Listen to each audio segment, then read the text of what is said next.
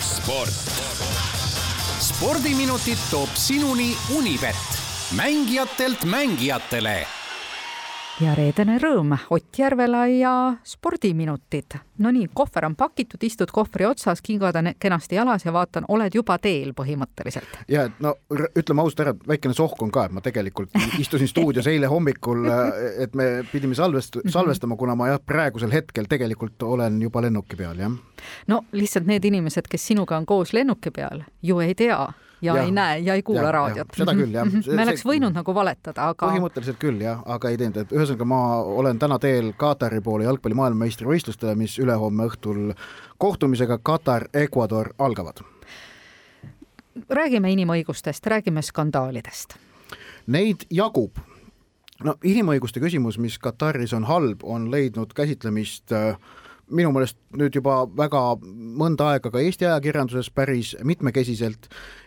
Ja noh, Katar ei ole demokraatlik riik, kui lühidalt kokku võtta ja seetõttu tekitabki äh, mõistlikes inimestes suurt hämmastust, miks see MM-finaalturniir seal toimub. miks ta seal toimub, kaksteist aastat tagasi FIFA juhatuses oli väga palju korrumpeerunud inimesi, kes äh, otsustasid eelistada Eestist neli korda väiksema pindalaga Katarit häältega neliteist kaheksa Ameerika Ühendriikidele, kes oli nende peamine rivaal konkursil oli veel olemas ka Jaapan, Lõuna-Korea ja Austraalia, aga millegipärast leiti, et Katar on see kõige parem koht, no noh, mitte parem, aga, aga kõige rikkam koht, nii et see on põhjus, miks seal mängitakse, küsim-, on küsitud ka, et aga miks seda pole hiljem Katarilt ära võetud.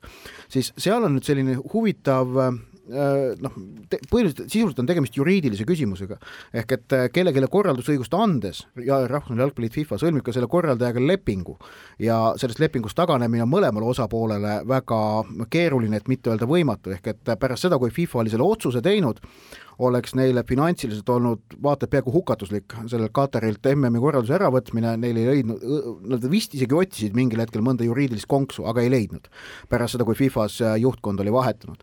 mis muidugi kokkuvõttes ei õigusta kuidagi, aga võib-olla natukene siis selgitab, miks Kataris mängitakse ja miks mängitakse talvel, sellepärast et suvel oleks, kui MM tavaliselt toimub, oleks liiga palav olnud, praegu on seal selline tagasihoidlikud kolmkümmend kraadi, suvel oleks nelikümmend viis olnud.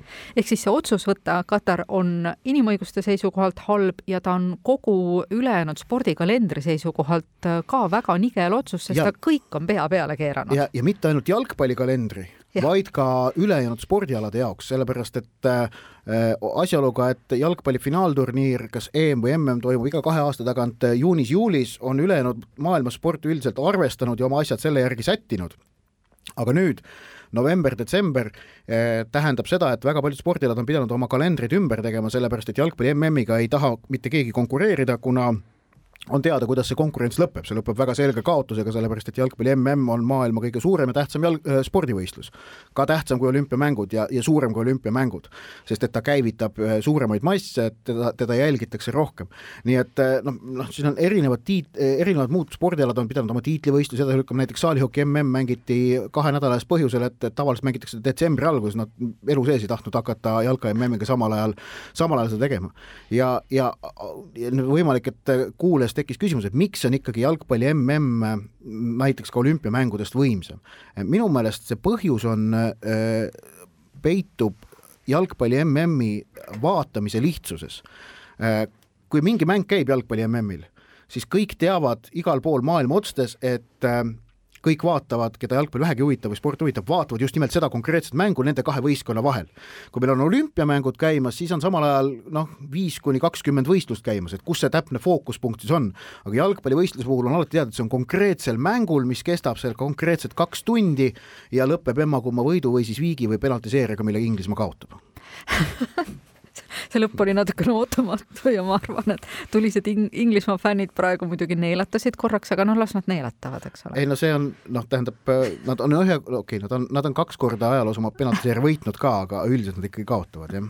no seda nalja ei saa tegemata jätta, et see, see on mõne, mõned asjad on vaata niivõrd kenasti laua peal olemas, need tuleb sealt ära võtta ja, ja ära kasutada, jah. no räägime soosikutest, miks nad on äh, sinu meelest soosikud ja, ja kas asjad võivad minna hoopis teisiti, no alati loomulikult võivad alati võivad minna, aga uut maailmameistrit nägime viimati kaks tuhat kümme, kui võitis Hispaania oma esimese MM-tiitli ja enne seda viimati üheksakümmend kaheksa, kui võitis Prantsusmaa, ehk et äh, maailmameistriks on läbi aegade tulnud kaheksa riiki. Kolm Lõuna-Ameerika oma, Argentiina, Brasiilia, Uruguay, viis suurt Euroopa riiki, Itaalia, Prantsusmaa, Inglismaa, Hispaania, Saksamaa ma oleksin väga üllatunud, kui me näeme mõnda uut maailmameistrit tänavusel MM-il. Äh, Unibeti koefitsientide järgi peetakse soolikuks number üks Brasiiliat ja teiseks Argentiinat. ma ise hindan Argentiina šansse kõrgemaks, äh, Brasiilial tundub minu meelest olevat natukene liiga palju pingeid, paineid peal äh, ja, ja nende ründeosakond on tohutult võimas, aga ma nii veendunud nende kaitseliinis ja keskväljas ei ole, Argentiinal, Argentiinal on sellist nagu mõnusat, mõnusat hoogu ja, ja tasakaalu vast veidikene rohkem, pluss neil on Lionel Messi. ja Euroopa koondistest Unibet hindab kõige paremaks Prantsusmaa šanssi, kes on tiitlikaitsja, aga neil on ikkagi väga olulised äh, probleemid vigastustega, et keskväljalt N'Golo Kante, Paul Pogba, eelmise MM-i põhitegijad, mõlemad vigastusega väljas mis muudab Prantsusmaa, ma arvan, ikkagi ebakindlamaks ja Hispaania on minu silmis see Euroopa koondis tippudest, kellel on kõige vähem muresid olnud. ja, ja sellepärast ma nende šansse hindaksin päris arvestatavaks prognoosida on siis kas nüüd lihtne või raske võitjat, ma ei saa nüüd aru täpselt. alati raske, aga vaata, no et sest et soosikute ring on tegelikult iga kord umbes sama, no -hmm. ütleme kuus kuni kaheksa-üheksa võistkonda, kes võivad maailmameistriks tulla Äh, aga äh, ja siis on meil sada protsenti on, on ju see, et noh, et äh, tuleb ära jagada nende vahel aga see jaotub iga kord üpriski sarnaselt, mitte kellelgi mitte kunagi ei ole kahtekümmet protsenti seda tõenäosust, vaid igaühel on noh, niimoodi mõniteist, mõnel on natukene rohkem, mõnel on seal üheksateistkümne kandis, teisel on, kui on kehvem seis, on seal üheteistkümne kandis, on ju, see protsent mm. -hmm. ja siis nende ülejäänute kõigi kahekümne nelja riigi või kahekümne kahe, kolme riigi peale kokku jääb see mingi üks-kaks protsenti ka veel kuskile üle kõrvale. ehk et äh, seal, seal sees on tegelikult need jõujooned väga haprad ja, ja noh, lisaks on veel see värk ka, et spordis vaata on õnne ka vaja, muuseas Louis van Gaal, Hollandi koondise väga kogenud peatreener, äh, märkis ka, et ja muidugi meil on võimalus tulla maailmameistriks, äh, ta arvab, et neil on väga hea koondis, eilsel pressikonverentsil just mainis, et neil on väga hea võistkond, mängijad võib-olla mitte niivõrd tipud, aga, aga just võistkondlikkus on head, et, et nad leiavad, et taktikaga on võimalik võita, aga kui meil õnne ei ole, siis pole võimalik maailmameistriks tulla, ehk et seda on ka alati vaja spordis. no on rõhutatud ka seda, et tegelikult on need nüüd maailmameistrivõistlused, kus maailmameistrivõistlustel näeb viimast korda mängimas nii Messit kui Ronaldot, ehk siis nii mõneski mõttes oluline ja, ja võib-olla ka Robert Levan-, ilmselt ka Robert Lewandowski viimane mm ja äkki ka Saksa suurmeistri Toomas Mülleri viimane mm.